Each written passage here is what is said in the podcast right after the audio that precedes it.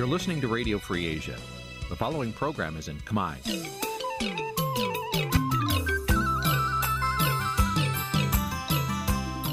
នេះជាកម្មវិធីផ្សាយ Vuthu Azizi Serai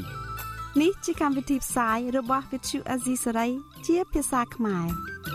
Vuthu Azizi Serai សូមស្វាគមន៍លោកអ្នកនាងទាំងអស់ពីរដ្ឋធានី Washington នៃសហរដ្ឋអាមេរិក។ បាទពីទីក្រុងមែលប៊នប្រទេសអូស្ត្រាលីខ្ញុំបាទថាថៃសូមជម្រាបសួរលោកនាងកញ្ញាដែលកំពុងតាមដានការផ្សាយរបស់វិទ្យុអាស៊ីសេរីទាំងអស់ជាទីមេត្រីយើងខ្ញុំសូមជូនកម្មវិធីផ្សាយសម្រាប់យប់ថ្ងៃពុធ15កើតខែអាសាឍឆ្នាំខាលចត្វាស័កពុទ្ធសករាជ2566ត្រូវនៅថ្ងៃទី13ខែកក្កដាគ្រិស្តសករាជ2022បាទជាដំបូងនេះសូមអញ្ជើញលោកនាងស្ដាប់ព័ត៌មានប្រចាំថ្ងៃដែលមានមេត្តាដូចតទៅ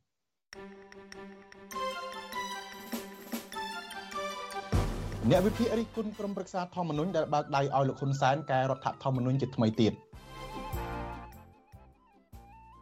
តុលាការស៊ូពីទំនាក់ទំនងរវាងលោកកម្មសខានិងស្ថានទូតបរទេសរឿងបាតុកម្មកាលពីឆ្នាំ2013សាលាឧទ្ធរខេត្តត្បូងឃ្មុំទម្លាក់បទចោទប្រកាន់លើសកម្មជនការពារព្រៃឈើលោកឆនផល្លា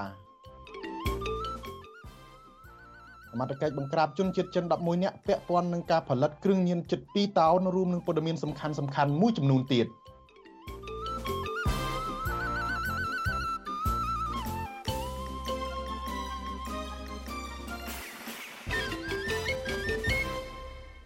បាទជាបន្តទៅនេះខ្ញុំបាទសូមជូនព័ត៌មានពិស្ដាដូចតទៅ លោកនាងជាទីមេត្រីតំណាងអាយកាចាប់ផ្ដើមចោតស៊ូទៅពីទំនាក់ទំនងរវាងលោកកឹមសុខានិងស្ថានទូតប្រទេសមហាអំណាចក្នុងការធ្វើបាតុកម្មកាលពីឆ្នាំ2013កន្លងទៅក្នុងសំណុំរឿងក្បត់ជាតិរបស់មេបកប្រឆាំងរូបនេះទោះជាយ៉ាងណាលោកកឹមសុខាមិនបានឆ្លើយសំណួរតំណាងអាយកានោះទេចំណែកមន្ត្រីសង្គមស៊ីវិលលើកឡើងថាត្រឹមការជួបតំណាងទូតណាមួយមិនអាចរាប់ចូលជាបទល្មើសឡើយបាទលោកយ៉ងច័ន្ទរារាយការណ៍ព័ត៌មាននេះ តំណាងអัยការនិងមេធាវីការពារសិទ្ធិឲ្យលោកកឹមសុខានៅតែជជែកតឹងសរសៃកដាក់គ្នាដដែលនៅក្នុងសវនាការលើកទី48នៅថ្ងៃទី13ខែកក្កដាការជជែកគ្នាតឹងសរសៃកនេះត្រូវបានអ្នកខ្លមើលសវនាការកត់សម្គាល់ថាពីព្រោះតែតំណាងអัยការតាំងសំណួរឆ្ងាយពីបទចោតដែលហាក់មានចេតនាអូសបន្លាយសំណុំរឿងនេះឲ្យស៊ីពេលកាន់តែយូរបន្ថែមទៀតមេធាវីការពារក្តីឲ្យលោកកឹមសុខាម្នាក់គឺលោកច័ន្ទចេនឲ្យដឹងក្រោយចប់សវនាការថា តំណាងអัยការបានតាំងសំណួរយ៉ាងក្តៅគគុកទៅលើលោកកឹមសុខាដែលហាក់បីដូចជាគ្រប់រឿងទាំងអស់ទម្លាក់ឲ្យលោកកឹមសុខាទទួលខុសត្រូវតែម្នាក់ឯងលោកឲ្យដឹងទៀតថានៅចុងម៉ោងតំណាងអัยការបានយកវីដេអូនៃការថ្លែងរបស់លោកកឹមសុខាក្នុងពេលធ្វើបាតកម្មនៅទីលានប្រជាធិបតេយ្យកាលពីឆ្នាំ2013ដែលកាលនោះលោកកឹមសុខាថ្លែងថាក្រោយជួបបាតកោលោកនឹងទៅជួបតំណាងស្ថានទូតប្រទេសមហាអំណាចនៅត្រង់ចំណុចនេះ តំណាងអัยការបានព្យាយាមសួរដេញដោលលោកកឹមសុខាដើម្បីបញ្ជាក់ថាតើលោកទៅជួបទូតមួយណាទោះជាយ៉ាងណាលោកកឹមសុខាមិនបានឆ្លើយនឹងសំណួរតំណាងអัยការនោះទេមេបកប្រឆាំងរូបនេះត្រឹមប្រាប់ទៅតំណាងអัยការវិញថាគ្រប់ទូតនៅកម្ពុជាគឺជាមិត្តរបស់កម្ពុជា ហើយការដែលលោកជួបតំណាងអង្គទូតណាមួយក៏មិនខុសច្បាប់នោះដែរ។ស រុបមកវិញគឺបណ្ដាអង្គទូតនោះមានន័យថាគេមកជួយកម្ពុជា បាទវាវាវាមិនមែនជាសត្រូវរបស់កម្ពុជាទេដើម្បីថែរក្សាមុខមាត់បណ្ដាអង្គទូតហើយរំកឹមសខាគាត់មិនបានបញ្ជាក់ទេ បាទបញ្ជាក់ថាទូតឈ្មោះអ្វី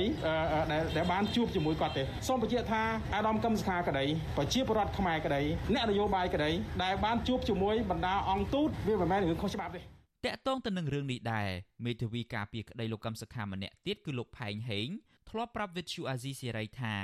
ការចាប់ខ្លួននិងចោទប្រកាន់លោកកឹមសុខាគឺសមត្ថកិច្ចតែងតែភ្ជាប់សហរដ្ឋអាមេរិកទៅនឹងសំណុំរឿងរបស់លោកកឹមសុខា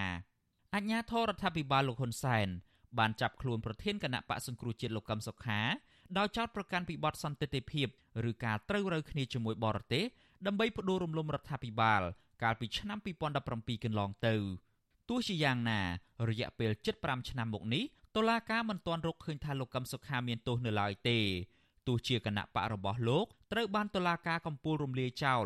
ក្រោយពីការចោទប្រកាន់ថាលោកបានរួមគំនិតជាមួយរដ្ឋបរទេសដើម្បីផ្ដួលរំលំរដ្ឋាភិបាលយ៉ាងណាក្តីជុំវិញរឿងនេះអ្នកនាំពាក្យគណៈបកប្រជាជនកម្ពុជាលោកសុកអេសានលើកឡើងថាបើចង់ដឹងរដ្ឋបរទេសណាខົບខិតជាមួយលោកកឹមសុខានៅក្នុងផែនការបដូររំលំរដ្ឋាភិបាលនោះគឺមាននៅក្នុងវីដេអូនៃការថ្លែងរបស់លោកនៅប្រទេសអូស្ត្រាលី កាលពីឆ្នាំ2013អ្នកនាំពាក្យគណៈបកកណ្ដាលអំណាចរូបនេះអះអាងទៀតថាមកដល់ដំណាក់កាលនេះមិនអាចមានការចរចាណាមួយដើម្បីបញ្ចប់សំណុំរឿងនេះបានឡើយ ព្រោះរឿងវាធ្លាក់ដល់ដៃតឡាការហើយបើចង់ចរចាគ្នាឬមួយពិភាក្សាគ្នាយ៉ាងម៉េចកុំឲ្យរឿងវាធ្លាក់ដល់ដៃតឡាការបាទនេះបើការមុននឹកឃើញអញ្ចឹងនោះវាមានដល់ដៃតឡាការអីបាទតែមកពីនឹកវាមិនឃើញអាហ្នឹងដល់ដល់កុនការហើយបានធ្វើឯងនឹកឃើញរឿងចរចាផ្ទុយពីការលើកឡើងនេះលោកកឹមសុខាធ្លាប់ថ្លែងប្រាប់តុលាការពីការនិយាយរបស់លោករយៈពេលជាង1ម៉ោងនៅប្រទេសអូស្ត្រាលីកាលពីឆ្នាំ2013នោះថា នេះគឺជាការថ្លែងជាសាធារណៈលោកកឹមសុខាក៏ធ្លាប់ជំរុញទៅតុលាការរកឲ្យឃើញថាតើសកម្មភាពសម្ងាត់របស់លោកណាមួយដែលជាការខົບខិតជាមួយរដ្ឋបរទេសដើម្បីផ្ដួលរំលំរដ្ឋាភិបាលលោកហ៊ុនសែននោះតកតងទៅនឹងរឿងនេះដែរមន្ត្រីសិទ្ធិមនុស្សនៃសមាគមអាត6លោកយីសុកសាន ដែលបានចូលរួមឃ្លាំមើលនៅក្នុងបន្ទប់សវនាការសង្កេតឃើញថាតំណាងអัยការនៅតែព្យាយាមសួរសំណួរមិនតាក់ទងទៅនឹងអង្គហេតុលើលោកកឹមសុខាដដែល លោកយល់ថានេះគឺជាការខ្ជះខ្ជាយពេលវេលានិងធ្វើឲ្យសំណុំរឿងមួយនេះស៊ីពេលកាន់តែយូរបន្ថែមទៀតលោកយល់ថាលោកកឹមសុខា គឺជាមេដឹកនាំគណៈបកនយោបាយនិងធ្លាប់ធ្វើជាអនុប្រធានរដ្ឋសភាដូច្នេះបើលោកកឹមសុខាជួបជាមួយតំណាងទូតណាមួយនោះមិនមែនជាការប្រព្រឹត្តបទល្មើសឡើយ។ជួប មហាអំណាចយើងមហាអំណាចគ្រប់គ្រងយើងហើយគាត់តែរឿងពាក្យចឹងចឹងវាមិនខុសច្បាប់ទេវាគ្មានទោសទេ មានទោសវាទាល់តែគាត់នឹងទៅបង្កើតស្អីមួយទៅបកគោកប្រកាសទៅធ្វើផែនការទៅធ្វើស្អីមួយឲ្យថាធ្វើឲ្យប្រទេសនឹងមានអសន្តិសុខស្អីមួយអានឹងបានវាមានទោសហើយគាត់ថាទៅនិយាយជាមួយអ្នកនេះទៅនិយាយជាមួយអ្នកនោះហើយថ្មីថ្មីនេះចុះខ្ញុំឃើញជួបអ្នកប្តឹងណាខ្ញុំនិយាយអត់ដូចជាសម្ដេចទៅជួបសម្ដេចទៅពេលបុណ្យទានអីបុណ្យសពបុណ្យអីលោកទៅជួបដែរអញ្ចឹងតើតើនឹងវាខុសច្បាប់ដែរអត់អានេះដែលជាជាសំណួរដែលខ្ញុំសួរណាដូចគ្នាទៅនឹងការលើកឡើងរបស់មន្ត្រីអង្គការសង្គមស៊ីវិលនេះដែរក្រោយចេញពីតុលាការលោកកឹមសុខាបានបង្ហោះសារតាម Facebook នៅថ្ងៃទី13ខែកក្កដាដដែលថាលោកបានជួបជាមួយឧបការីរដ្ឋមន្ត្រីការបរទេសសហរដ្ឋអាមេរិកទទួលបន្ទុកកិច្ចការអាស៊ីបូព៌ានិងប៉ាស៊ីហ្វិកលោក Daniel Crittenbrink កាលពីថ្ងៃទី12ខែកក្កដាលោកក៏សម្គាល់ឃើញថាប្រទេសប្រជាធិបតេយ្យនៅតែចាត់ទុកកម្ពុជាជាមិត្ត និងចង់បន្តជួយកម្ពុជាទៀតដោយពង្រឹងកិច្ចសហប្រតិបត្តិការជាមួយគ្នាដដែល សវនាការសំណុំរឿងលោកកឹមសុខាលើកទី48នេះក៏មិនខុសគ្នាពីលើកមុនមុនដែរគឺមានការឃ្លាំមើលពីមន្ត្រីសិទ្ធិមនុស្សតំណាងអង្គការសហប្រជាជាតិតំណាងអង្គទូតបរទេសនិងមន្ត្រីអង្គការសង្គមស៊ីវិលចំណែកនៅក្រៅរបងតុលាការវិញក៏មានអ្នកគាំទ្រគណៈបកសង្គ្រោះជាតិប្រមាណ30នាក់និងមានការរឹតបន្តឹងសន្តិសុខពីក្រមអាជ្ញាធរផងដែរ។ តឡាការនឹងជំនុំជម្រះក្តីសំណុំរឿងលោកកឹមសុខាបន្តទៀតនៅថ្ងៃពុធទី20ខែកក្កដាសប្តាហ៍ក្រោយនេះខ្ញុំយ៉ងច័ន្ទដារាវិទ្យុអាស៊ីសេរីរាយការណ៍ពីរដ្ឋធានី Washington បាទលោកនាងជាទីមេត្រីតកតងនឹងសំណុំរឿងប្រធានគណៈបកសង្គ្រោះជាតិលោកកឹមសុខានេះដែរយើងនឹងមានបទសម្ភាសន៍ផ្ទាល់មួយជាមួយនឹងមេធាវីការពីក្តីនិងអ្នកសិក្សាផ្នែកច្បាប់ដើម្បីពិនិត្យមើលអំពីដំណើរការសវនាការលើកទី48នៅថ្ងៃពុធនេះ និងថាតើមានមូលហេតុអ្វីខ្លះសំណុំរឿងលោកកឹមសុខានៅមិនទាន់អាចឈានដល់ការកំណត់រដ្ឋបរទេសដែលតុលាការចោទថាលោកកឹមសុខាខាត់ខុបខិតជាមួយសូមអញ្ជើញលោកនាងរងចាំតាមដានស្ដាប់និងទស្សនាបទសម្ភាសន៍នៅក្នុងកម្មវិធីផ្សាយរបស់យើងនៅពេលបន្តិចទៀតនេះ។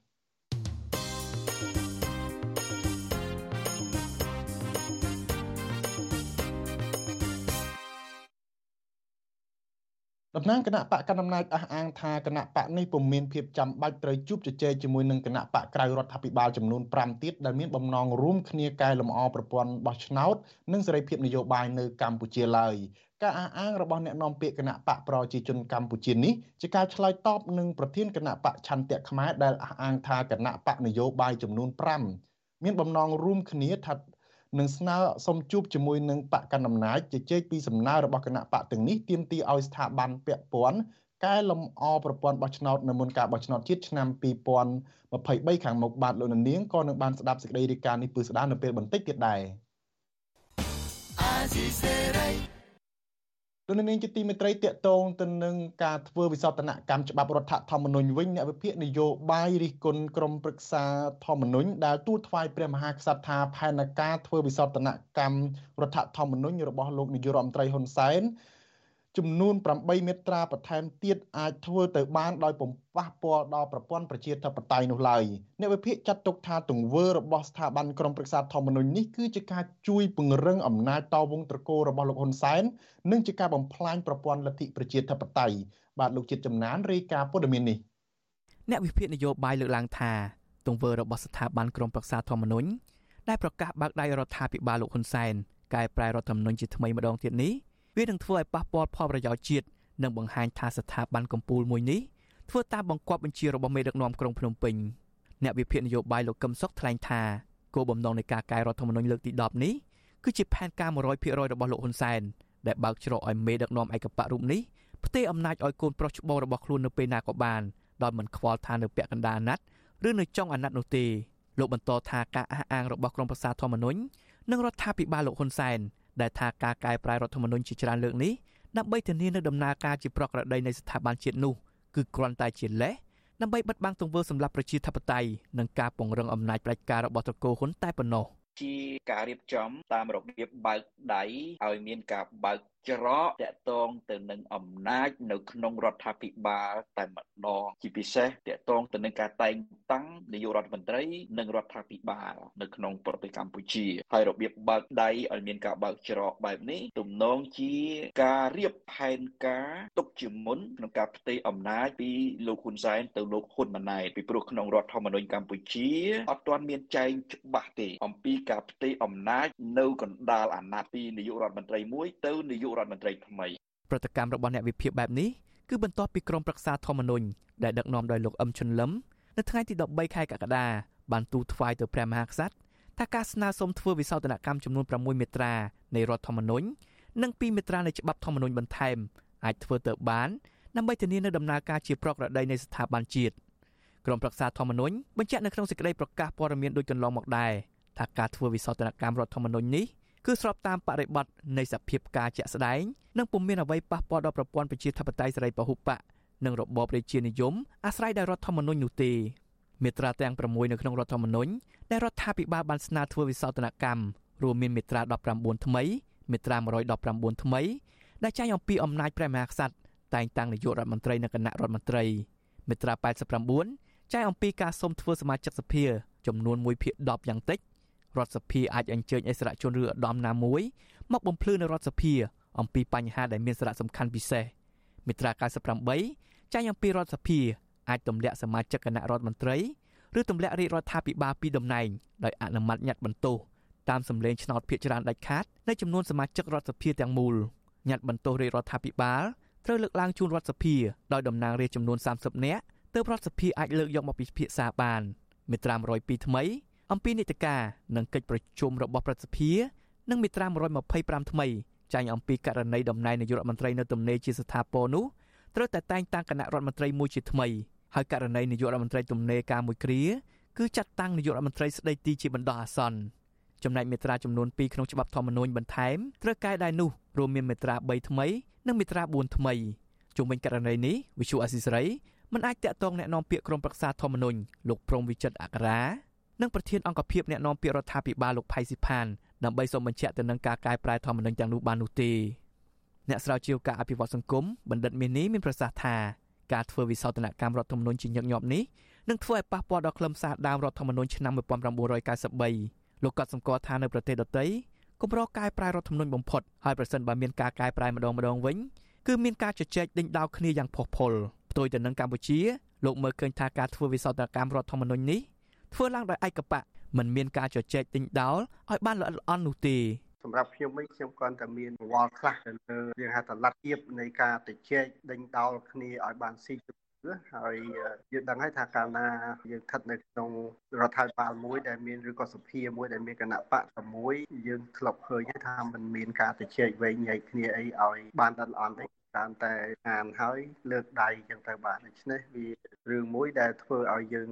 គ្រាន់តែមានការព្រួយបារម្ភថាតើការអនុម័តច្បាប់ហ្នឹងវាអាចយុត្តិធម៌គ្រប់គ្រាន់សម្រាប់គ្រប់ជ្រុងជ្រោយដល់ពលរដ្ឋដល់សង្គមជាតិដល់ប្រទេសទាំងទាំងមូលបានកម្រិតបណ្ណានេះជាសំណួរសំខាន់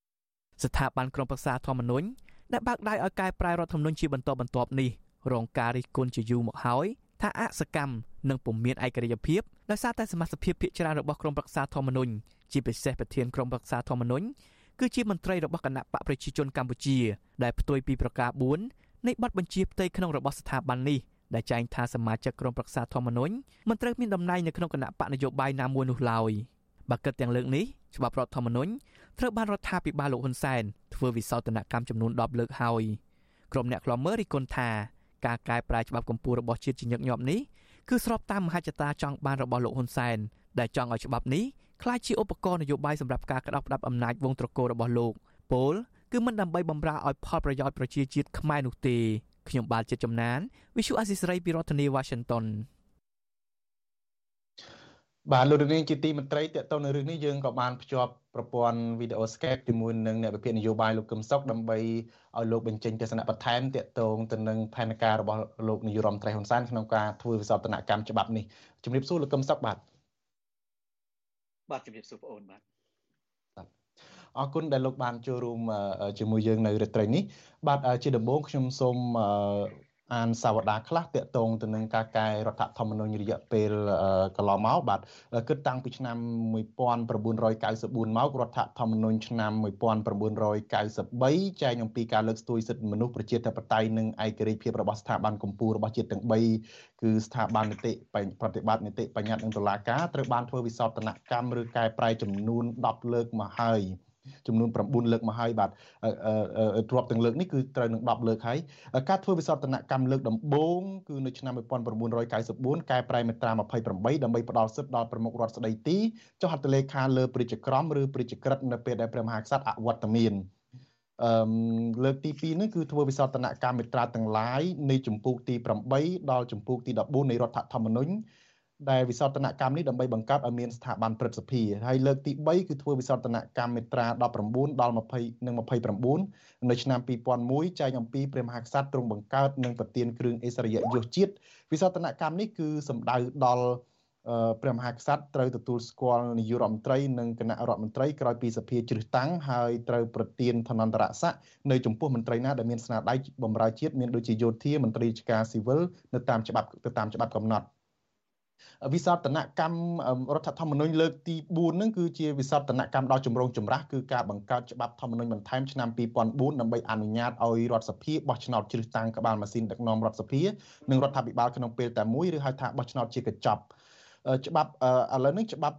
ធម្មនុញ្ញបន្ថែមមាត្រា3និងមាត្រា4ហ្នឹងក៏ត្រូវបានលោកហ៊ុនសែនកំពុងកែនៅក្នុងពេលបច្ចុប្បន្ននេះដែរកំពុងរៀបចំកែដែរបាទការធ្វើវិសោធនកម្មលើកទី5វិញគឺជាការកែ ប្រែពីចំនួនគោរមនៃចំនួនសមាជិកសភានិងប្រសិទ្ធភាពដើម្បីអនុម័តច្បាប់មួយចំនួនពី2ភាគ3ទៅ50បូក1វិញដែលធ្វើឲ្យគណៈបកប្រជាជនកម្ពុជានឹងកាន់តែមានអំណាចខ្លាំងទៅលើការធ្វើច្បាប់ផ្សេងផ្សេងដូចជាច្បាប់ស្ដីពីអង្គការមិនមែនរដ្ឋាភិបាលច្បាប់ស្ដីពីសហជីពច្បាប់ស្ដីពីសមាគមនិងច្បាប់អង្គការមិនមែនរដ្ឋាភិបាលច្បាប់ស្ដីពី ការប្រមាថព្រះមហាក្សត្រនិងច្បាប់ដទៃទៀតមួយចំនួនជាដើមវិសោធនកម្មទី6គឺអំពីការគ្រប់គ្រងរដ្ឋបាលដែនដីកម្ពុជាហើយវិសោធនកម្មទី7គឺ លើកទី7គឺវិសោធនកម្មមេត្រា76រដ្ឋសភាមានសមាជិកយ៉ាងតិច120រូបទៅចំនួន123រូបដែលត្រូវជ្រើសតាំងដោយការបោះឆ្នោតជាសកលដោយសេរីដោយស្មើភាពនៅចំពោះមុខច្បាប់និងតាមវិធីបោះឆ្នោតជាសម្ងាត់ហើយលើកទី8នៅឆ្នាំ2017វិញគឺជាការវិសោធនកម្មមួយដែលមានអ្នកច្បាប់ចាត់ទុកថាជា វិសោធនកម្មដ៏អាក្រក់មួយក្នុងទិសដៅកែប្រែច្បាប់ស្តីពីគណៈបកនយោបាយនិងច្បាប់ស្តីពីការរៀបចំគណៈកម្មការជាតិរៀបចំការបោះឆ្នោតសម្រាប់បិទសិទ្ធិគណៈបកប្រឆាំងឬក៏មន្ត្រីគណៈបកប្រឆាំងមិនឲ្យធ្វើនយោបាយនិងរំលាយគណៈបកប្រឆាំងតែម្ដងក្នុងនោះមាត្រា38ថ្មីកថាខណ្ឌទី2ចែងថាគណៈបកនយោបាយណាដែលប្រព្រឹត្តខុសទៅនឹងរដ្ឋធម្មនុញ្ញច្បាប់ស្តីពីវិសោធនកម្មស្តីពីគណៈបកនយោបាយនិងច្បាប់ស្តី ច្បាប់ជាធរមានដតីទៀតក្រសួងមហាផ្ទៃអាចចាត់វិធានការសម្រាប់ផ្អាកសកម្មភាពរបស់គណៈបកនយោបាយជាបណ្ដោះអាសន្នក្នុងរយៈពេលមួយជាកំណត់ប្តឹងទៅតុលាការកំពូលដើម្បីរំលាយគណៈបកនោះក្នុងករណីមានកំហុសធ្ងន់ធ្ងររីឯមាត្រា44ថ្មីចែងអំពីតុលាការ អាចសម្រេចផ្អាកសកម្មភាពគណៈបកនយោបាយមិនលើសពី5ឆ្នាំនិងអាចរំលាយគណៈបកនយោបាយណាមួយបានប្រសិនបើគណៈបកនយោបាយនោះប្រើប្រាស់ជាសម្លេងរូបភាពឯកសារជាលិលាអសរឬសកម្មភាពរបស់ទណ្ឌិតនិងយល់ព្រមដោយចំហឬតណ្ហិភាពឬខុបខិតជាមួយទណ្ឌិតធ្វើសកម្មភាពណាមួយដើម្បីផលប្រយោជន៍នយោបាយសម្រាប់គណៈបកនយោបាយនោះលើកទី9នៅឆ្នាំ2021ថ្មីថ្មីនេះគឺថាមានការកំណត់ ឲ្យមានដឹកនាំកម្ពុជាចំនួន4គឺប្រធានក្រុមប្រឹក្សាធម្មនុញ្ញប្រធានរដ្ឋសភាព្រឹទ្ធសភានិងនាយករដ្ឋមន្ត្រីត្រូវមានសញ្ជាតិខ្មែរតែមួយដោយមិនត្រូវមានសញ្ជាតិបរទេសឡើយដែលលោកនាយករដ្ឋមន្ត្រីហ៊ុនសែនធ្វើច្បាប់នេះឡើងជាការឆ្លើយតបទៅនឹង កំហឹងរបស់លោកដែលបានប្រតិកម្មទៅនឹងលោកសំរងស៊ីលោកកឹមសុខឥឡូវនេះរដ្ឋាភិបាលរបស់លោកហ៊ុនសែនកំពុងតែធ្វើវិសោធនកម្មច្បាប់រដ្ឋធម្មនុញ្ញទៀតដោយថ្ងៃមិញនេះគឺថាខាងស្ថាប័នក្រមប្រឹក្សាធម្មនុញ្ញលោកបានជ្រាបហើយសេចក្តីរាយការណ៍មិញហ្នឹងគឺថាបានយល់ព្រមដោយលើកមុនដែរដោយមិនមានការខែប្រែទេលិខិតហ្នឹងគឺថាស្របតាមស្ថានភាពជាក់ស្ដែង ដោយមិនប៉ះពាល់ដល់ប្រព័ន្ធប្រជាធិបតេយ្យអីចឹងទៅដោយសម្រួលឲ្យមានប្រកបដីភាពនៃស្ថាប័នជាតិអីជាដើមតើតើតាមការយល់ឃើញរបស់លោកកឹមសុខការធ្វើវិសោធនកម្មរដ្ឋធម្មនុញ្ញកន្លងមកនឹងពេលឥឡូវនេះវាឆ្លោះបញ្ចាំងបែបណាដែរជាការធ្វើរដ្ឋធម្មនុញ្ញនឹងឲ្យកាន់តែល្អមានដំណើរការជាប្រក្រតីភាពនៅក្នុងស្ថាប័នជាតិឬគ្រាន់តែជួយពង្រឹងគណៈបកកណ្ដាលអំណាចរបស់លោកហ៊ុនសែនទៅវិញបាទខ្ញុំសឹកសូមអញ្ជើញបាទ គ្រប់ពេលដែលមានការធ្វើវិសោធនកម្មឬកែរដ្ឋធម្មនុញ្ញទាំងរដ្ឋធម្មនុញ្ញសំទុះទាំងក្រមប្រឹក្សាធម្មនុញ្ញរដ្ឋាភិបាលលោកហ៊ុនសែននិងអង្គការច្បាប់ឬក៏ស្ថាប័នច្បាប់ក្រមអំណាចរដ្ឋាភិបាលលោកហ៊ុនសែនសុទ្ធតែអះអាងថាដើម្បីធានានៅប្រក្រតីភាពនៃស្ថាប័នជាតិហើយមិនប៉ះពាល់ទៅដល់ដំណើរការប្រជាធិបតេយ្យទេ ក៏ប៉ុន្តែខ្ញុំគិតថាការអះអាងនេះគឺជាការបោកប្រាស់ប្រជាជាតិខ្មែរទាំងស្រុងពីព្រោះជាក់ស្ដែងការកែរដ្ឋធម្មនុញ្ញច្រើនដងមកហើយកែតាំងពីមានរដ្ឋាភិបាលស្របច្បាប់ដែលរៀបចំឡើងដោយការបោះឆ្នោតអ៊ុនតាអាណត្តិទី1ធ្លាក់ទៅដល់រដ្ឋាភិបាលដែលមានកម្រិតត្រឹមតែបំពេញច្បាប់បំពេញច្បាប់ នៅអាណត្តិទី2ទី3ទី4ហេតុអ្វីបានជាខ្ញុំថាបំពេញច្បាប់ពីព្រោះបោះឆ្នោតមិនត្រឹមត្រូវហើយជជែកចរចាគ្នាស្រស់ស្រួលគ្នាបង្កើតរដ្ឋាភិបាលរហូតមកធ្លាក់ខ្លួនដល់រដ្ឋាភិបាលខុសច្បាប់ក្បត់ឆន្ទៈប្រជាពលរដ្ឋដោយសពថ្ងៃដែលសហគមន៍អន្តរជាតិមិនទទួលស្គាល់ដូច្នេះតើនេះវាធានានៅ ប្រកបដោយភាពនៃស្ថាប័នរដ្ឋទេ ការធានានៅប្រកបដោយភាពនៃស្ថាប័នរដ្ឋតលតែស្ថាប័នរដ្ឋនោះជាស្ថាប័នស្របច្បាប់អញ្ចឹងហើយបានជាខ្ញុំបញ្ជាក់ថាការអះអាងរបស់ក្រមប្រឹក្សាធម្មនុញ្ញគឺជាការបោកប្រាស់ប្រជាជាតិខ្មែរចំណុចមួយទៀតបើយើងនិយាយទៅដល់លទ្ធិប្រជាធិបតេយ្យកែតាំងពីមានដង្ហើមប្រជាធិបតេយ្យរហូតទៅដល់ស្ថានភាពសពថ្ងៃគឺការសម្លាប់ប្រជាធិបតេយ្យ ដែលប្រជាពលរដ្ឋខ្មែរទូទាំងប្រទេសនឹងនៅជុំវិញពិភពលោកសុទ្ធតែដឹងហើយសហគមន៍អន្តរជាតិទៀមទាដដែលដដែលស្ថានទូតអាមេរិកសម្ព័ន្ធមិត្តអាមេរិកមានអូស្ត្រាលីកាណាដាអឺរ៉ុបអង្គការសហប្រជាជាតិឲ្យស្ដារប្រជាធិបតេយ្យឡើងវិញកែប្រមាណ10ដងទៅហើយជាការកែដែល កម្ពុជាពីមុនមានសេចក្តីសង្ឃឹមនៃដង្ហើមប្រជាធិបតេយ្យសម្រាប់ប្រជាជាតិខ្មែរទៅជាស្ថានភាពប្រជាធិបតេយ្យដែលស្តាប់ស្លាប់ស្ទើរតែលួសប្រលឹង ដូច្នេះលោកកឹមសុខឥឡូវនេះយើងអត់ទាន់ដឹងថាអាកែច្បាប់ចុងក្រោយនេះខាងរដ្ឋាភិបាលនឹងមិនទាន់បង្ហាញថាតើនឹងកែបែបណានៅឡើយទេដោយមិនទាន់បានបង្ហាញជាសាធារណៈហើយរងចាំឲ្យខាងរដ្ឋមន្ត្រីក្រសួងយុតិធម៌នឹងនឹងរៀបចំធ្វើសន្និសីទកសែតមួយប៉ុន្តែមិនទាន់បានកំណត់ទីកន្លែងនិងពេលវេលានៅឡើយទេសម្រាប់លោកកឹមសុខមើលឃើញថាតើវិសោធនកម្មឥឡូវនេះពេលនេះតើតើមានគោលដៅទិសដៅបែបណាដែរ ខ្ញុំក៏សម្គាល់អំពីការប្រើពាក្យនៃការកែរដ្ឋធម្មនុញ្ញហ្នឹងណាគេប្រើពាក្យថាសេចក្តីព្រៀងច្បាប់ធម្មនុញ្ញបើប្រើពាក្យសេចក្តីព្រៀងច្បាប់ធម្មនុញ្ញវាដូចជាការធ្វើច្បាប់ធម្មនុញ្ញផ្សេងពីរដ្ឋធម្មនុញ្ញដែលមានន័យស្របទៅនឹងខ្លឹមសារធម្មនុញ្ញបើយើងនិយាយពីច្បាប់ណាប៉ុន្តែនេះបោកប្រាស់ប្រជាពលរដ្ឋសុទ្ធប្រើពាក្យសេចក្តីព្រៀងច្បាប់ធម្មនុញ្ញតែកែរដ្ឋធម្មនុញ្ញអានេះបោកប្រាស់មួយបោកប្រាស់ទី2 កែដដែលដដែលក្នុងមេត្រាខ្លះកែថ្មីរហូតទៅដល់ទី1ទី2ទៅហើយការកែថ្មីដោយដាក់ថា2ជាដើមគេថាដូចជាឧទាហរណ៍មាត្រា119ថ្មី2មានន័យថានេះកែ3ដងណាកែដើម្បីអ្វីកែដើម្បីគ្រាន់តែតម្រូវផែនការអំណាចនិងការចង់បានរក្សាអំណាចរបស់ក្រមលោកហ៊ុនសែនតែប៉ុណ្ណឹងអានេះជាការកត់សម្គាល់ណា ជាការបោកប្រាស់ប្រជាពលរដ្ឋដដែលដដែលពិតមែនហើយវាគ្រាន់តែជាសេចក្តីព្រៀងទេវាមិនទាន់ដល់ជាច្បាប់ដែលអនុម័តដោយរដ្ឋសភាទេប៉ុន្តែសេចក្តីព្រៀងនឹងខ្ញុំគិតថាស្ទើរតែ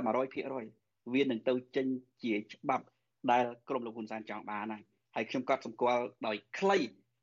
ថាច្បាប់នេះគឺជាការកេងប្រវ័ញ្ចនយោបាយរបស់លោកហ៊ុនសែនលើពាក្យថាប្រជាធិបតេយ្យលើពាក្យថាច្បាប់ ដើម្បីរៀបចំផែនការប្លន់អំណាចឲ្យកូនប្រុសរបស់គាត់តែប៉ុណ្ណោះអឺតើលោកសំអាងមូលហេតុអីដែលគិតថាការកែច្បាប់នេះដើម្បីប្លន់អំណាចផ្ទេរអំណាចឲ្យកូនប្រុសរបស់លោកមានមានមូលហេតុអីខ្លះដែរបាទទី1ខ្ញុំគ្មានការសង្ស័យទេ តាំងពីលឺមានការកែរដ្ឋធម្មនុញ្ញជាថ្មីនេះ គឺជាការអនុវត្តផែនការប្លន់អំណាចសម្រាប់កូនប្រុសរបស់លោកហ៊ុនសែនតែម្ដង មើលសេចក្តីព្រៀងថ្មីរបស់គេឬកំណែដែលគេចង់កែថ្មីក្នុងមាត្រា125ថ្មីមាត្រា125ថ្មីអឺពីមុនមាត្រាហ្នឹងអត់និយាយចែងអំពីការលៀនលែងរបស់នាយករដ្ឋមន្ត្រីទេឥឡូវមានចែងអំពីការលៀនលែងរបស់នាយករដ្ឋមន្ត្រី មានន័យថានាយករដ្ឋមន្ត្រីចាស់អាចលៀនលែងបាន ដើម្បីបើកឱកាសឲ្យនាយករដ្ឋមន្ត្រីមួយទៀតដែលគេប្រុងលើក ឬក៏តែងតាំងហ្នឹងទៅអឺមានឱកាសទៅធ្វើជានាយករដ្ឋមន្ត្រីឬក៏តែងតាំងគណៈរដ្ឋមន្ត្រីថ្មី ពីមុនអត់មានទេពីមុនអឺគណៈរដ្ឋមន្ត្រីថ្មីអាចកើតឡើងបានលុះត្រាតែគណៈរដ្ឋមន្ត្រីចាស់ហ្នឹងណាត្រូវបានសភាស្នើអនុម័តមិនផ្ដល់សេចក្តីទុកចិត្តរដ្ឋាភិបាលហ្នឹង ម្ដងរួចហើយអានឹងមួយចំណុចមួយទៀតអឺលុះត្រាតែតំណែងនាយករដ្ឋមន្ត្រីនឹងទំនេរជាស្ថាពរហើយមួយទៀតគឺក្រោយការបោះឆ្នោតតែម្ដងប៉ុន្តែឥឡូវគេបន្ថែមចំណុចមួយទៀតមាត្រា125ថ្មីគឺនាយករដ្ឋមន្ត្រីថ្មីនឹងសំទោសនាយករដ្ឋមន្ត្រីអាចលៀនលែងដើម្បីបើកឱកាសឲ្យមាននាយករដ្ឋមន្ត្រីថ្មីឬគណៈរដ្ឋមន្ត្រីថ្មីមួយត្រូវបានតែងតាំងចំណុចទី2 គឺជាចំណុចសំខាន់តែម្ដងដែលថាប្លន់អំណាចពីព្រោះការកែនឹងមានន័យស្មើថាប្រធានសភាអនុប្រធានសភាគឺជាទីងមងតែម្ដងហើយអ្នកដែលមានអំណាចទាំងស្រុងគឺប្រធានគណៈបកដែលមានសម្លេងច្រើនជាងគេនៅក្នុងរដ្ឋសភាត្រង់ណាមាត្រា119ថ្មីដែលគេប្រងកែខ្ញុំសូមមើលបន្តិច110 9ថ្មីសូមអធិស្ឋានមាត្រា119ថ្មីហ្នឹងបើនិយាយអំពីមាត្រាមុន ពីមុនដែលគេមិនទាន់កែណាគឺប្រធានសភាដែលមានការយល់ព្រមពីអនុប្រធានទាំងពីរជាអ្នកស្នើឲ្យព្រះមហាក្សត្រតែងតាំងនាយករដ្ឋមន្ត្រីឥឡូវអត់ប្រធានសភាដោយមានការយល់ព្រមពីអនុប្រធានសភាគឺប្រធានគណៈបកដែលមានអាសនៈ ក្នុងរដ្ឋសភាតែម្ដងដែលមានអាសនៈច្រើនជាងគេ បានន័យថារំលងសភាចោលហើយនៅក្នុងលទ្ធិប្រជាធិបតេយ្យស្របតាមសភានិយមបែបនេះគឺអំណាចនៅលើសភា តែនេះរំលងសភាតែម្ដង មានន័យថាប្រធានគណៈបកឬក៏គណៈបកក្នុងច្បាប់គេនិយាយពីគណៈបកទេប៉ុន្តែគណៈបកហ្នឹងសំដៅទៅលើប្រធានដែលមានអំណាចជាងគេហ្នឹងហើយស្នើទៅព្រះមហាក្សត្រ តែងតាំងនាយករដ្ឋមន្ត្រីតែម្ដងហើយគ្រាន់តែធ្វើលិខិតចម្លងផ្ញើជូនទៅប្រធានសភាឲ្យដឹងឮតែប៉ុណ្ណឹងប្រធានសភាអត់មានអ្វីនឹងខ្ទាស់ឬក៏មានអត់មានអំណាចអ្វីនឹងសុំបីតែផ្ដល់យោបល់ផងដូច្នេះហើយបើយើងមើលចំណុចនេះមានន័យថាលោកហ៊ុនសែនគាត់អាចស្នើឲ្យកូនប្រុសរបស់គាត់សុំការតែងតាំងពីព្រះមហាក្សត្រ ដើម្បីធ្វើជានាយករដ្ឋមន្ត្រីតែម្ដង ហើយទៅកូនប្រុសរបស់គាត់មករៀបចំគណៈរដ្ឋមន្ត្រីថ្មីទៅសុំការយល់ព្រមពីសភាឃើញទេគឺរំលងសភាមែនតើទៅណាផ្ដាច់ការជាងវៀតណាមនិងនៅប្រទេសចិនទៅទៀតពីព្រោះសង្គមប្រជាធិបតេយ្យណាដែលតែងតាំងនាយករដ្ឋមន្ត្រីដែលអត់ឆ្លងកាត់សភាឃើញទេបាទ លោកកំសុកមានមេត្រាមួយចំនួនដែលនឹងកែដែលហ្នឹងគឺមេត្រា89ចែកអំពីការសុំពីសមាជិកសភាមួយចំនួនមួយភាគ10យ៉ាងតិចរដ្ឋសភាអាចអញ្ជើញអិសរាជជនឧត្តមណាមួយនឹងមកបំភ្លឺសភាអំពីបញ្ហាដែលមានសារៈសំខាន់ពិសេសហើយមេត្រា98ចែងអំពីរដ្ឋសភាអាចទម្លាក់សមាជិកគណៈរដ្ឋមន្ត្រីឬក៏ទម្លាក់រដ្ឋាភិបាលពីតំណែងដោយអនុម័តញត្តិស្ដីបន្ទោសតាម តាមសម្លេងបោះឆ្នោតភាគច្រើនដាច់ខាតនៃចំនួនសមាជិករដ្ឋសភាទាំងមូលហើយញត្តិស្ដីបន្ទោសរាជរដ្ឋាភិបាលនោះគឺត្រូវបានធ្វើឡើងជូនរដ្ឋសភាត្រូវបានលើកឡើងជូនរដ្ឋសភាដោយមានតំណែងរាជចំនួន30នាក់ទើបសភាអាចលើកយកមកពិភាក្សាបាន ចំពោះគម្រោងកែមេត្រា2នេះតើតើវាអាចលោកមើលឃើញតើទិសដៅនឹងអាចមានការដែលធ្វើម៉េចពង្រឹងអំណាចរបស់រដ្ឋសភាអីហ្នឹងឬក៏ ខាងរដ្ឋាភិបាលហ្នឹងកុំឲ្យមានការភ័យព្រួយពីរឿងការដែលខាងតំណាងរាជគណៈបកនយោបាយណាមួយនៅក្នុងសភាហ្នឹងអឺជាពិសេសគណៈតំណាងរាជគណៈបកប្រឆាំងអីនៅពេលដែលជាប់ឆ្នោតហ្នឹងអាចលើកឡើងហើយទៀមទីអីចាប់ពី30នាក់ទៅធ្វើឲ្យប៉ះពាល់ដល់ទូនាទីហ្នឹងទេបាទបើមើលកំណែតម្រង់សំទោសកំណែរដ្ឋធម្មនុញ្ញថ្មីហ្នឹងណាអំណាចសភាសរោ ហើយលោកហ៊ុនសែនដែលជាប្រធានគណៈបកប្រជាជនកម្ពុជាមាត់របស់គាត់មានន័យស្មើនឹងអឺសម្លេងធម្មនុញ្ញភាព ដែលបិទផ្លូវតវ៉ាអត់មាននរណាតវ៉ាបានទេរឿងនេះអាចដោយសារគណៈបកប្រជាជនកម្ពុជាក្នុងផ្ទៃក្នុងមិនទុកចិត្តគ្នាម្ល៉េះហើយក៏ព្យាយាមកែខ្ញុំលើកចំណុចមួយចំនួនដែលលោកមានប្រសាសន៍ទៅចោះមាត្រា4ថ្មីនៃធម្មនុញ្ញបន្ថែម មាត្រា4ថ្មីនៃធម្មនុញ្ញបន្ថែមហ្នឹងណាបើពេលដែលគេធ្វើធម្មនុញ្ញពីមុន នៅមានលក្ខណៈពហុបកខ្លះពីព្រោះការបោះឆ្នោតកញ្ចប់ពីមុន មានការយល់ព្រមពីគណៈបកនយោបាយដែលមានការព្រមព្រៀងគ្នាមែនទេអញ្ចឹងមានសម្លេងបក2យ៉ាងតិចទៅព្រមព្រៀងគ្នាដើម្បីបោះឆ្នោតជាកញ្ចប់វានៅមានពហុបកខ្លះបើទោះបីជាយើងមិនពេញចិត្តក៏ដោយក៏ប៉ុន្តែឥឡូវអត់ទេគេកែថាគណៈបកដែលមានសម្លេងច្រើនជាងគេ ជាអ្នកស្នើតែម្ដងលែងមានពហុបកចំណុចទី2ដែលខ្ញុំគាត់សម្គាល់គេធ្វើដើម្បីខ្ទប់កុំឲ្យអ្នកណាម្នាក់នៅក្នុងគណៈបកប្រជាជនកម្ពុជាអាចខ្ទាស់ផែនការរបស់លោកហ៊ុនសែនបានទៀតត្រង់ចំណុចណាពីមុនព្រឹទ្ធសមាជិកម្នាក់នៃរដ្ឋសភាអាចកោះប្រជុំក្រោយពេលមានការបោះឆ្នោតហើយព្រឹទ្ធសមាជិកគេអត់និយាយថាព្រឹទ្ធសមាជិកប្រមាណនេះព្រឹទ្ធសមាជិកដែលមានអាយុច្រើនជាងគេ ប៉ុន្តែឥឡូវអត់ទេគេខ្លាចអាព្រឹទ្ធសមាជិកដែលមានអាយុច្រើនជាងគេណាឧទាហរណ៍ថាលោកហេងសំរិនឬក៏ថ្ងៃក្រោយទៅលោកសខេងមានអាយុច្រើនជាងគេគាត់ខ្លាយទៅជាព្រឹទ្ធសមាជិកគាត់ខ្ទាស់មិនព្រមកោះប្រជុំសភាក្រោយពីការបោះឆ្នោតដោយសារគាត់មិនយល់ព្រមឲ្យលោកហ៊ុនម៉ាណែតធ្វើជានាយករដ្ឋមន្ត្រីអញ្ចឹងគេកែឲ្យទៅជាថាបើព្រឹទ្ធសមាជិកដែលមានអាយុច្រើនជាងគេហ្នឹងណា ពុំមានលក្ខណៈសម្បត្តិវាអាចថាពុំមានស្ថានភាពដែលអាចកោះប្រជុំបានអញ្ចឹងឲ្យព្រឹទ្ធសមាជិកដែលមានអាយុបន្តបន្តបន្តហ្នឹងឡើងបន្តមកកោះប្រជុំដើម្បីកុំឲ្យស្ទះការប្រជុំហ្នឹងក្នុងការបង្កើតរដ្ឋាភិបាលឃើញទេនេះគឺគេត្រៀមគេដឹងថាទំនងជា អ្នកដែលមានអាយុចាស់ចាស់នៅក្នុងគណៈបកប្រជាជនកម្ពុជានេះខ្ទាស់លោកហ៊ុនម៉ាណែត បានជាគេត្រៀមចំណុចហ្នឹងហើយគេកែចំណុចហ្នឹងចំណុចមួយទៀតដែលខ្ញុំចង់លើកឡើងអំពីច្បាប់នឹងដែរគឺមេត្រា125ថ្មីមេត្រា125ថ្មីនៃច្បាប់នេះខ្ញុំបានកត់សម្គាល់ឃើញចេះខ្ញុំបានកត់សម្គាល់ឃើញថាអឺការតែងតាំងវរៈជនម្នាក់ ឲ្យទៅសុំសេចក្តីទុកចិត្តពីរដ្ឋាភិបាលពីសភាក្នុងការបោះឆ្នោតទៅបង្កើតរដ្ឋាភិបាលថ្មីហ្នឹងឥឡូវនេះគេកែឲ្យទៅជាបោះឆ្នោតជាកញ្ចប់តែម្ដងរដ្ឋាភិបាលហ្នឹងណាអត់មានរដ្ឋមន្ត្រីមួយបោះឆ្នោតម្ដងឬក៏រដ្ឋមន្ត្រីណាដែលសភាមិនពេញចិត្តក៏ត្រូវសភាទម្លាក់ឯងមិនមែនទេបើពីមុនសភាអាចមិនពេញចិត្តរដ្ឋមន្ត្រីណារដ្ឋលេខាធិការណាអាចទម្លាក់បានណាឥឡូវនេះគេអត់ធ្វើអញ្ចឹងទេ គេដាក់កញ្ចប់តែម្ដងក្នុងគណៈរដ្ឋមន្ត្រីដើម្បីបោះឆ្នោតសុំការទុកចិត្តពីគណៈរដ្ឋមន្ត្រីខ្ញុំយល់ថាអាចដោយសារមានការមិនទុកចិត្តគ្នានៅក្នុងផ្ទៃក្នុងគណៈបកប្រជាជនកម្ពុជានឹងក្រែងលោលោកកូនលោកសខេងទៅអត់បានជាប់ទៅជាសមាជិករដ្ឋាភិបាលឬកូនលោកទាបាញ់អញ្ចឹងទៅត្រូវក្រុមលោកហ៊ុនសែនខ្ទាស់អីអញ្ចឹងណាចំណុចមួយទៀតដែលខ្ញុំមើលឃើញដែរគឺមាត្រា98ថ្មី 98ថ្មីដែលលោកលើកឡើងអំបញ្ញមិញរឿងនេះមួយណាអាមាត្រា98ថ្មីនេះគឺសភាពីមុន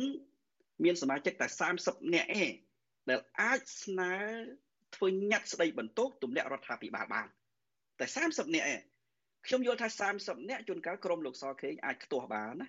ធ្វើលិខិតធ្វើញត្តិដើម្បីស្នើទៅរដ្ឋសភារកការពិភាក្សាជជែក បញ្ចប់រដ្ឋាភិបាលរបស់លោកហ៊ុនម៉ាណែតនៅថ្ងៃក្រោយបានណាប៉ុន្តែឥឡូវគេកែឲ្យទៅជា1ភាគ3 1ភាគ3នៃបច្ចុប្បន្នបើសិនជាអាណត្តិក្រោយទៅ125គឺ42អាសនៈនោះ42នាក់នោះឃើញទេរក42នាក់សិនដើម្បីស្នើឲ្យទម្លាក់រដ្ឋាភិបាលទម្រាំតែរកការជជែកគ្នារកសម្លេង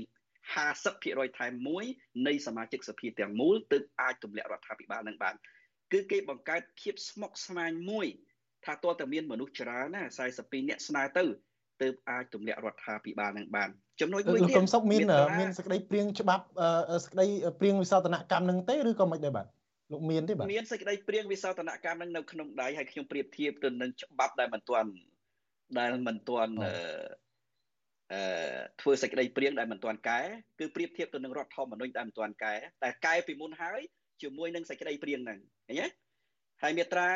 89ថ្មីដែលដែលគេធ្វើព្រៀងហ្នឹងមាត្រា89ថ្មីហ្នឹងណាដែលលោកលើកឡើងអំបញ្ញមិញគឺថាហាក់ដូចជាការរៀបចំមួយ ដើម្បីកុំឲ្យមានការសួរដេញដោលអំពី ការរកលុយបែបងងឹតឬលុយទុច្ចរិតដើម្បីចិញ្ចឹមរដ្ឋាភិបាលហេតុអីពីមុនរដ្ឋសភា អាចសមាជិកសភាអាច1ភាគ10អាចអញ្ជើញអិសរាជជនដ៏ឧត្តមណាមួយពាក្យអិសរាជជនដ៏ឧត្តមមិនចាំបាច់សមាជិករដ្ឋាភិបាលទេមែនទេក្រុមហ៊ុនក៏បានដែរប្រធានក្រុមហ៊ុនក៏បានដែរមន្ត្រីជាន់ខ្ពស់ក្នុងរដ្ឋបាលក៏បានដែរដែលមានការពាក់ព័ន្ធក្នុងកិច្ចការមិនត្រឹមត្រូវឬអំពើពុករលួយហ្នឹងទៅសួរនៅក្នុងរដ្ឋសភាបានប៉ុន្តែឥឡូវគេមិនកែអញ្ចឹងទេ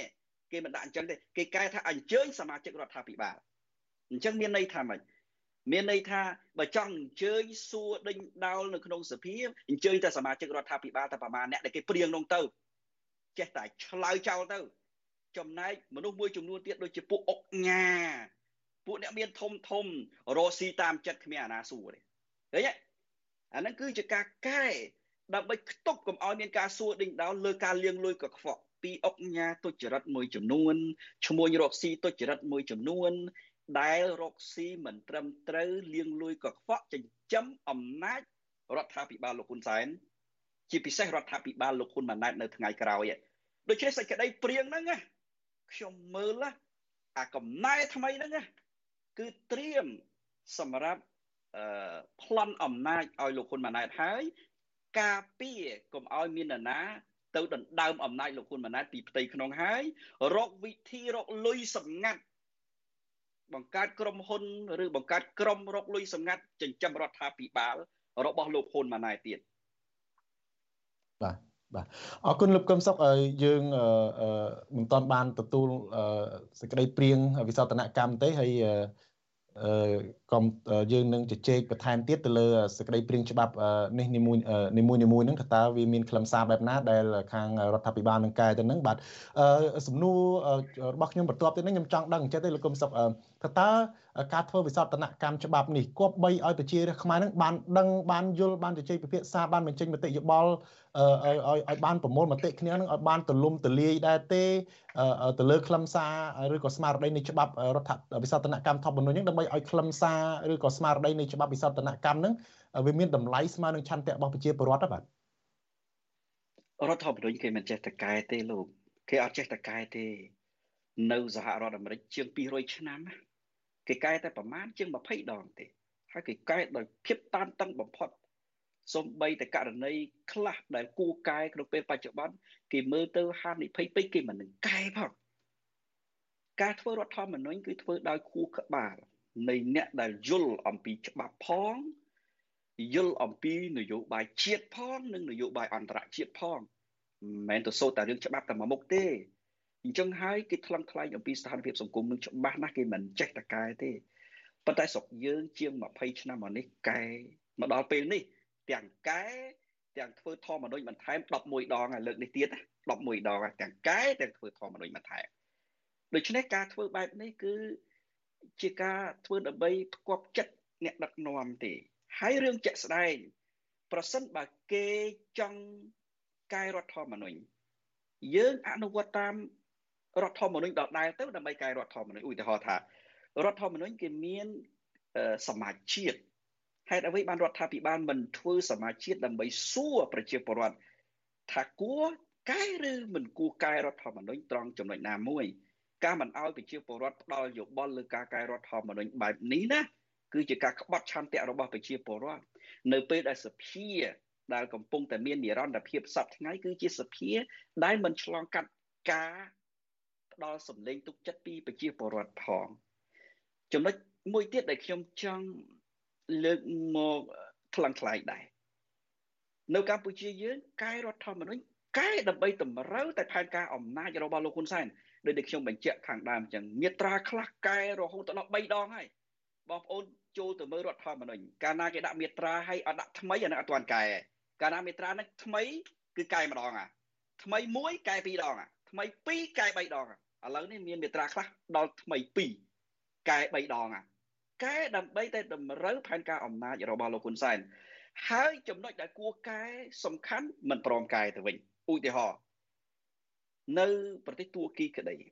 នៅប្រទេសអ៊ីស្រាអែលក្តីគឺគេកែប្រសិនបើគេកែគេកែឲ្យមានលក្ខណៈប្រជាធិបតេយ្យរឿងដែលត្រូវកែនៅប្រទេសកម្ពុជាឧទាហរណ៍ថារឿងដែលត្រូវកែ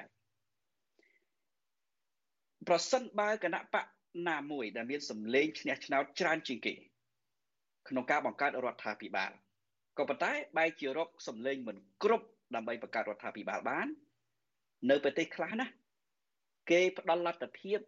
ឲ្យគណៈបកឈ្នះឆ្នោតក្នុងលំដាប់ទី2ទៅរកដៃគូបង្កើតរដ្ឋាភិបាលហើយបើសិនជាគណៈបកទី2នឹងរកមិនបានគេឲ្យទៅគណៈបកទី3ទៀតប៉ុន្តែគេមានរយៈពេលរបស់គេណាដើម្បីរកដៃគូបង្កើតរដ្ឋាភិបាលក៏ប៉ុន្តែការកែរដ្ឋធម្មនុញ្ញនៅប្រទេសកម្ពុជាគឺគណៈបកដែលមានសម្លេងច្រើនជាងគេចាប់ស្ថាប័នរដ្ឋចាប់អ្នកផ្សេងផ្សេងជាចំណាត់នយោបាយតែម្ដងឧទាហរណ៍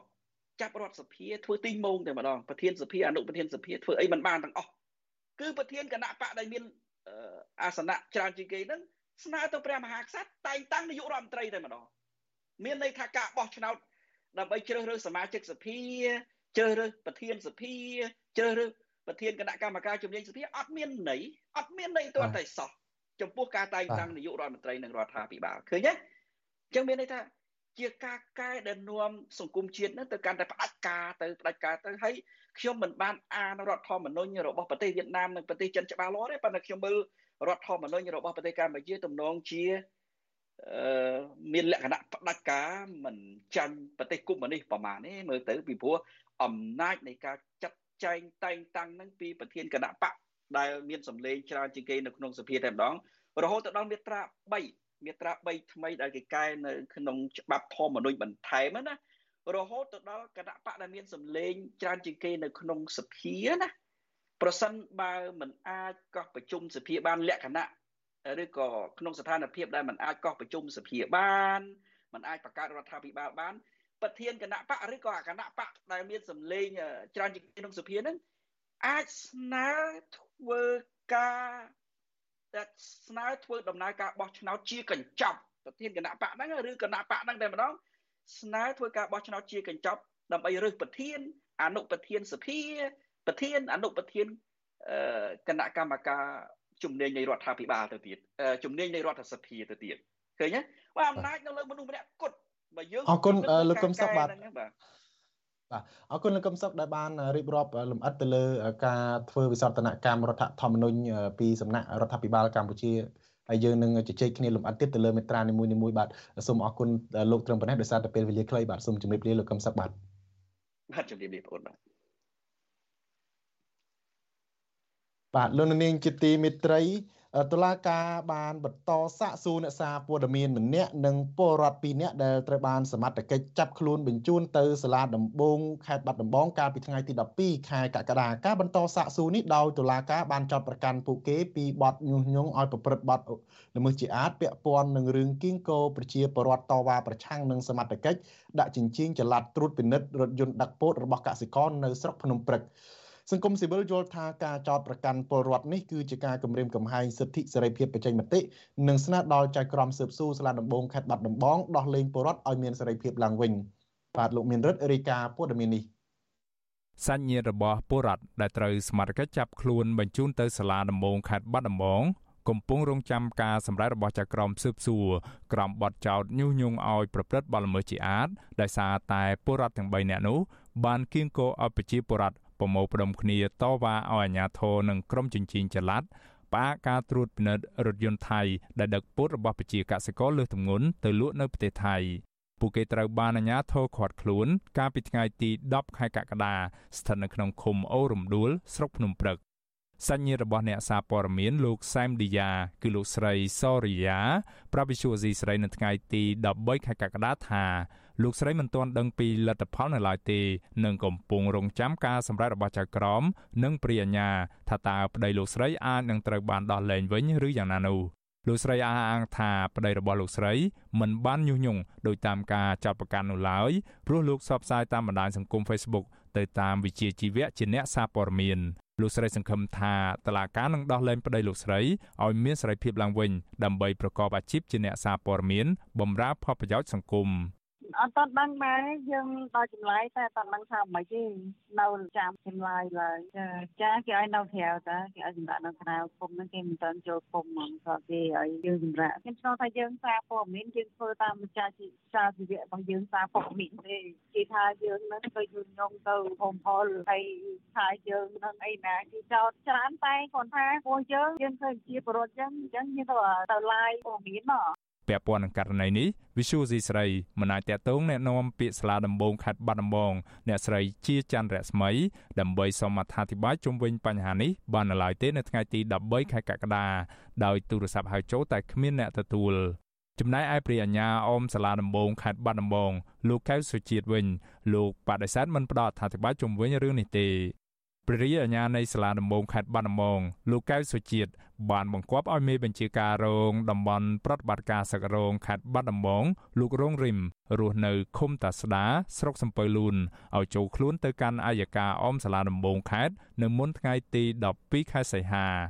ដោយការចុះថ្ងៃទី12ខែកក្កដាលើកឡើងថាការបង្គាប់ឲ្យចូលខ្លួននេះ គឺដើម្បីបំភ្លឺលើករណីញុះញង់ឲ្យប្រព្រឹត្តបទឧក្រិដ្ឋជាអាតនៅឃុំពេជ្រចិន្តាស្រុកភ្នំព្រឹកកាលពីថ្ងៃទី9ខែកក្កដាក្រោយពីចាប់ពលរដ្ឋចំនួន4នាក់មកសាកសួរនៅកន្លែងនគរបាល និងបញ្ជូនបន្តពលរដ្ឋ3នាក់ទៅសាលាដំបងខេត្តបាត់ដំបងកន្លងទៅរដ្ឋមន្ត្រីក្រសួងមហាផ្ទៃលោកសខេងបានជំរុញឲ្យមន្ត្រីក្រមអាវ៉ាត ដោះស្រាយបញ្ហាដែលបង្កឲ្យមានភាពអយុត្តិធម៌ជូនពលរដ្ឋដើម្បីកុំឲ្យបាត់សញ្ញាឆ្នោតពីព្រោះការបោះឆ្នោតជ្រើសតាំងតំណាងរាស្ត្រឆ្នាំ2023ខាងមុខនេះនឹងមានការតស៊ូផ្នែកនយោបាយតានតឹង ជាងការបោះឆ្នោតជ្រើសរើសក្រុមប្រឹក្សាឃុំសង្កាត់ជុំវិញរឿងនេះមន្ត្រីសម្របសម្រួលសមាគមការពារសិទ្ធិមនុស្សអាត់ហុកប្រចាំខេត្តបាត់ដំបង លោកយិនមេងលីប្រាប់វិសុវស៊ីស្រីថារឿងនេះបើសិនជាមានតួអង្គមេបញ្ជាការរងតំបន់ប្រតិបត្តិការសឹករងខេត្តបាត់ដំបងនោះប្រជាពលរដ្ឋក៏ជាជនរងគ្រោះដែរដោយចាញ់បោកបុគ្គលមានអធិបុលនៅពីក្រោយករណីតវ៉ានេះពីព្រោះពួកគាត់មិនបានទទួលព័ត៌មានច្បាស់លាស់ចំពោះការលើកឡើងរបស់រដ្ឋមន្ត្រីក្រសួងមហាផ្ទៃលោកសកខេងវិញលោកយិនមេងលីយល់ថាអ្នកនយោបាយគួរកុំយកចិត្តទុកដាក់ពលរដ្ឋ ត្រឹមតែនៅពេលបោះឆ្នោតជាតិឆ្នាំ2023នោះគឺត្រូវយកចិត្តទុកដាក់ដល់ពលរដ្ឋជាពិសេសគឺអនុវត្តគោលនយោបាយភូមិឃុំមានសវត្ថភាពឲ្យមានប្រសិទ្ធភាព កម្មភាពរបស់អ្នកសារព័ត៌មានវាអត់មានអ្វីដែលជាបទល្មើសទេគឺគ្រាន់តែជាការពំនាំនៅអ្វីដែលជាទុកកង្វល់របស់ប្រជាពលរដ្ឋទៅឲ្យថ្នាក់ដឹកនាំនៅថ្នាក់ខេត្តឬក៏ថ្នាក់ជាតិនឹងបានដឹងដើម្បីធ្វើការដោះស្រាយបើមិនជាយើងនាំគ្នាបតុបមិនឲ្យនិយាយអ្វីដែលជាការពិតហើយនាំឲ្យតែសារព័ត៌មាននិយាយអ្វីទៅតាមដែលខ្លួននិយាយនោះថ្នាក់លើថ្នាក់ជាតិនឹងទទួលព័ត៌មានសុទ្ធតែព័ត៌មានអត់ពិតហើយនៅពេលហ្នឹងវាធ្វើឲ្យគ្រោះថ្នាក់ដល់ថ្នាក់ដឹកនាំថ្នាក់ជាតិទៀតដែលធ្វើសេចក្តីសម្រេចចិត្តខុសពីព្រោះការទទួលព័ត៌៌មានមកវាអត់ច្បាស់ដែរខ្ញុំគិតថាសេរីភាពសារព័ត៌មានសំខាន់ណាស់នៅក្នុងប្រទេសប្រជាធិបតេយ្យអ្នកដឹកនាំនៅក្នុងសង្គមប្រជាធិបតេយ្យស្រែកឃ្លានព័ត៌មានខុសពីប្រទេសកុម្មុយនីសប្រទេសកុម្មុយនីសគឺគេអត់ត្រូវការព័ត៌មាននេះគេត្រូវការតែអ្វីដែលផ្សាយដែលថាតាមតែអ្នកដឹកនាំមន្ត្រីសង្គមស៊ីវិលនិងសាច់ញាតិរបស់ពលរដ្ឋដែលត្រូវបានចាប់ខ្លួននោះយល់ថា ការចាប់ខ្លួននេះមិនសមហេតុផលឡើយពីព្រោះពួកគាត់មានសិទ្ធិសេរីភាពនៅក្នុងការបញ្ចេញមតិហើយអ្នកសារព័ត៌មានមានច្បាប់ស្តីពីរបបសារព័ត៌មានសម្រាប់គ្រប់គ្រងពួកគេទទូចដល់រដ្ឋាភិបាល និងស្ថាប័នពាក់ព័ន្ធឲ្យដោះលែងពលរដ្ឋទាំងនោះឲ្យមានសេរីភាពឡើងវិញខ្ញុំបាទមេរិត Visual C ស្រីរាយការណ៍ពីរដ្ឋធានី Washington បាទលោកនាងជាទីមេត្រី វិទ្យុអាស៊ីសេរីសូមជូនដំណឹងថាយើងគ្មាននាយកព័ត៌មានប្រចាំនៅប្រទេសកម្ពុជាទេបើមានជនណាអះអាងថានាយកព័ត៌មានឲ្យវិទ្យុអាស៊ីសេរីនៅកម្ពុជានោះគឺជាការក្លែងបន្លំយកឈ្មោះវិទ្យុអាស៊ីសេរីក្នុងគោលបំណងទុច្ចរិតណាមួយរបស់បុគ្គលនោះសូមអរគុណ។ បាទលោកនាងជាទីមេត្រីតកតងទៅនឹងបញ្ហាគ្រឿងញៀនវិញអាជ្ញាធរប្រឆាំងបទល្មើសគ្រឿងញៀនបន្តបង្ក្រាបបានក្រុមអ ுக ្រិតជនជនជាតិចិនចំនួន11នាក់បន្ថែមទៀតនិងបានរឹបអូសគ្រឿងញៀនដែលក្រុមអ ுக ្រិតជនផលិតបានជិត20ជិត2តោននិងសារធាតុគីមីផ្សំជាគ្រឿងញៀនជាង200តោនព្រមទាំងរកឃើញទីតាំងផ្ទុកសារធាតុញៀននៅតាមខេត្តមួយចំនួនមន្ត្រីសង្គមស៊ីវិលលើកឡើងថាលំហូរគ្រឿងញៀននេះបានកើនឡើងយ៉ាងគំហុកតាមរយៈជនជាតិចិនបើករោងចក្រផលិតកែច្នៃ បាទលោកជីវិតារាយការណ៍ព័ត៌មាននេះអញ្ញាធរប្រឆាំងបទល្មើសគ្រឿងញៀនសហការជាមួយសមត្ថកិច្ចចម្រុះរាជធានីភ្នំពេញខេត្តស្វាយរៀងព្រៃវែងនិងខេត្តកណ្ដាលបង្ក្រាបបានក្រុមអ ுக ្រិតជនជនជាតិចិនសរុបចំនួន11នាក់ដែលពួកគេបានលួចបន្លំបើករោងចក្រផលិតគ្រឿងញៀនទ្រង់ទ្រាយធំនៅកម្ពុជាសមត្ថកិច្ចឲ្យដឹងថាក្រុមអ ுக ្រិតជនគ្រឿងញៀនទាំង11នាក់នោះត្រូវបានសមត្ថកិច្ចចុះបង្ក្រាបនៅចំណុចទីតាំងផ្សេងៗគ្នា គេហទំព័រអគ្គស្នងការដ្ឋាននគរបាលជាតិនៅថ្ងៃទី13កក្កដាបង្ហាញថាការបង្ក្រាបទីតាំងរោងចក្រផលិតគ្រឿងញៀនចំនួន7ទីតាំងខុសៗគ្នារបស់ក្រុមអក្រិតជនទាំងនោះសមត្ថកិច្ចជំនាញបានបើកការស៊ើបអង្កេតអស់រយៈពេលជាង3ខែមកហើយសមត្ថកិច្ចបញ្ជាក់ថាកន្លែងរោងចក្រផលិតគ្រឿងញៀននិងទីតាំងឃ្លាំងសម្រាប់ផ្ទុកសារធាតុគីមីផ្សំគ្រឿងញៀនទាំងនោះ មានដូចជាស្ថិតនៅរាជធានីភ្នំពេញចំនួន2ទីតាំង ខេត្តកណ្ដាលចំនួន2ទីតាំងខេត្តស្វាយរៀង2ទីតាំងខេត្តព្រៃវែង1ទីតាំងគ្រឿងញៀនដែលសមត្ថកិច្ចរឹបអូសបាន ជាប្រភេទកេតាមីនជិត2តោនសារធាតុគីមីផ្សំជាគ្រឿងញៀនជិត300តោននិងឧបករណ៍សម្ភារៈគ្រឿងបន្លាស់សម្រាប់កែច្នៃផលិតគ្រឿងញៀនមួយចំនួនធំព្រមទាំងលិខិតកាន់កាប់អចលនទ្រព្យចំនួន7កន្លែងដែលជាទីតាំងសម្រាប់ផលិតគ្រឿងញៀនរបស់ក្រុមអ ுக ្រិតជន សមត្ថកិច្ចអះអាងថាជនជាតិចិនទាំង11នាក់នោះសមត្ថកិច្ចបានកសាងសំណុំរឿងបញ្ជូនទៅសាលាដំបងរាជធានីភ្នំពេញតាមនីតិវិធីរួចរាល់ហើយអគ្គស្នងការរងនគរបាលជាតិទទួលបន្ទុកប្រឆាំងបទល្មើសគ្រឿងញៀនលោកម៉ាក់ជីតូប្រាស់វិទ្យុអាស៊ីសេរីថាអ ுக ្រិតជនទាំង11នាក់នោះបានដឹកជញ្ជូនលបាយសារធាតុគីមីផ្សំគ្រឿងញៀននិងគ្រឿងម៉ាស៊ីនប្រតិកម្មចូលកម្ពុជាឆ្លងកាត់តាមសមុទ្រវៀតណាម នឹងចូលតាមច្រកកំពង់ផែក្រុងភ្នំពេញតាំងពីថ្ងៃទី7ខែមេសា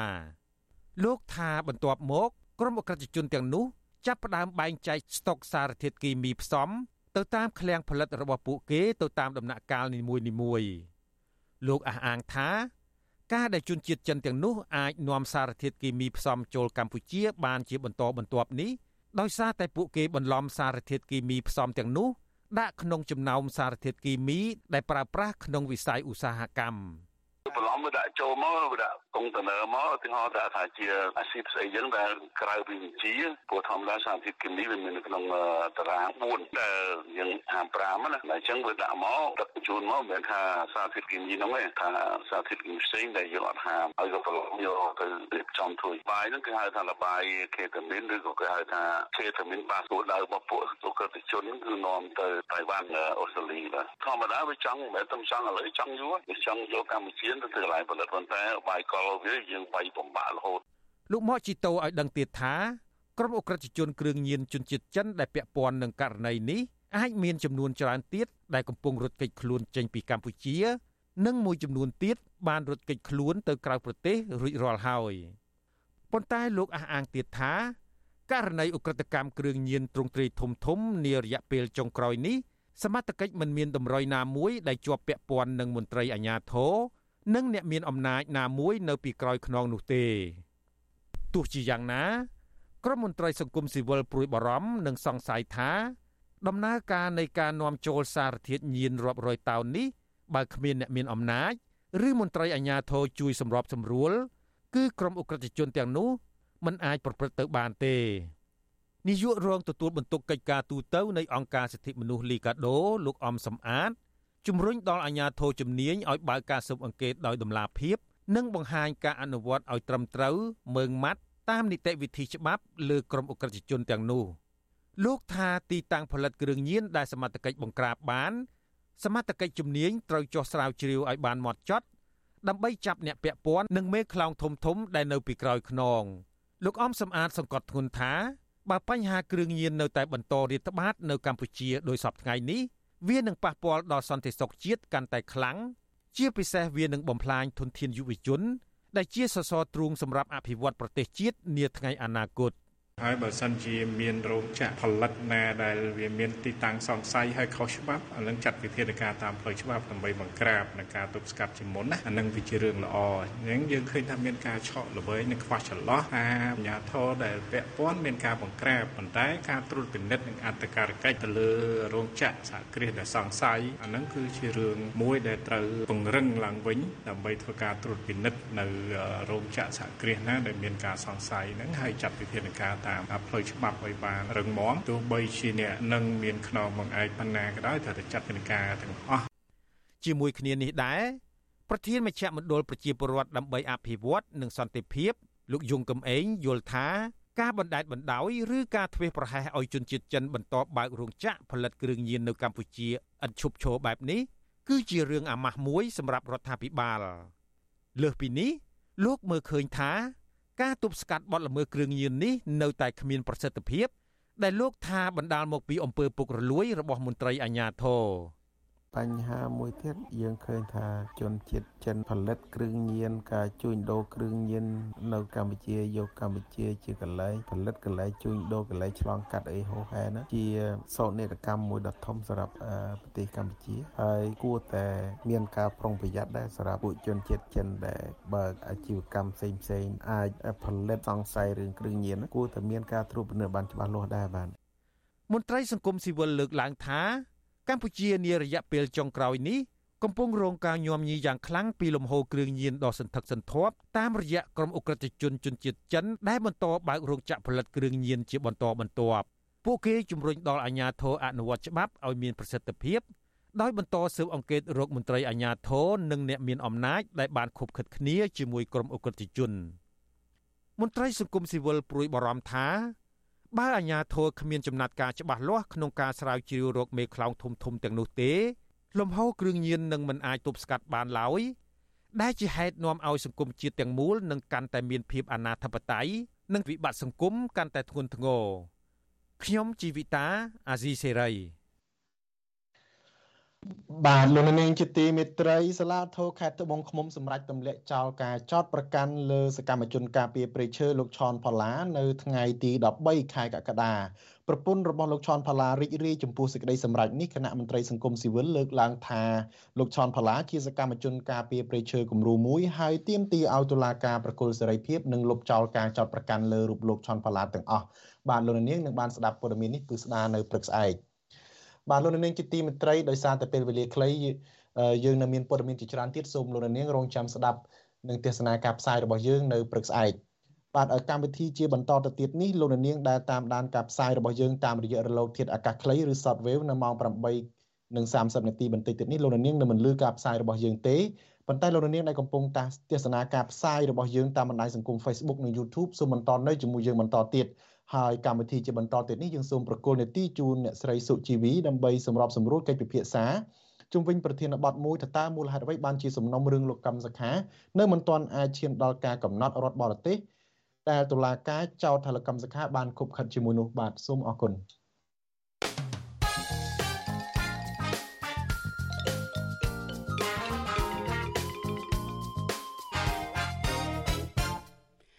ចា៎នេះខ្ញុំសុកជីវីសូមជម្រាបសួរលោកអ្នកនាងដែលកំពុងតែតាមដានការផ្សាយរបស់វិទ្យុអាស៊ីសេរីចាសម្រាប់យប់ថ្ងៃពុធទី13ខែកក្កដាឆ្នាំ2022ទាំងអស់ជាទីមេត្រីចាដូចដែលលោកថាថៃបានលើកឡើងនៅមុននេះអញ្ចឹងចានេះខ្ញុំនឹងសម្របសម្រួល កិច្ចសម្ភាសមួយចាដែលយើងមានអ្នកសិក្សាផ្នែកច្បាប់និងមេធាវីរបស់លោកកឹមសុខាចូលរួមនៅក្នុងយុគនេះចាយើងនឹងជជែកគ្នាថាតើមានមូលហេតុអ្វីខ្លះដែលធ្វើឲ្យសំណុំរឿងរបស់លោកកឹមសុខាប្រធានគណៈបកសង្គ្រោះជាតិនេះគឺតុលាការនៅតែមិនទាន់អាចកំណត់រដ្ឋបរទេសណាដែលតុលាការបានចោទថាលោកកឹមសុខានឹងបានខុបខិតជាមួយចាតកតងនឹងរឿងនេះចាមកដល់ពេលនេះរឿងក្តីរបស់ប្រធានគណៈបកសង្គ្រោះជាតិគឺលោកកឹមសុខានេះចាគឺ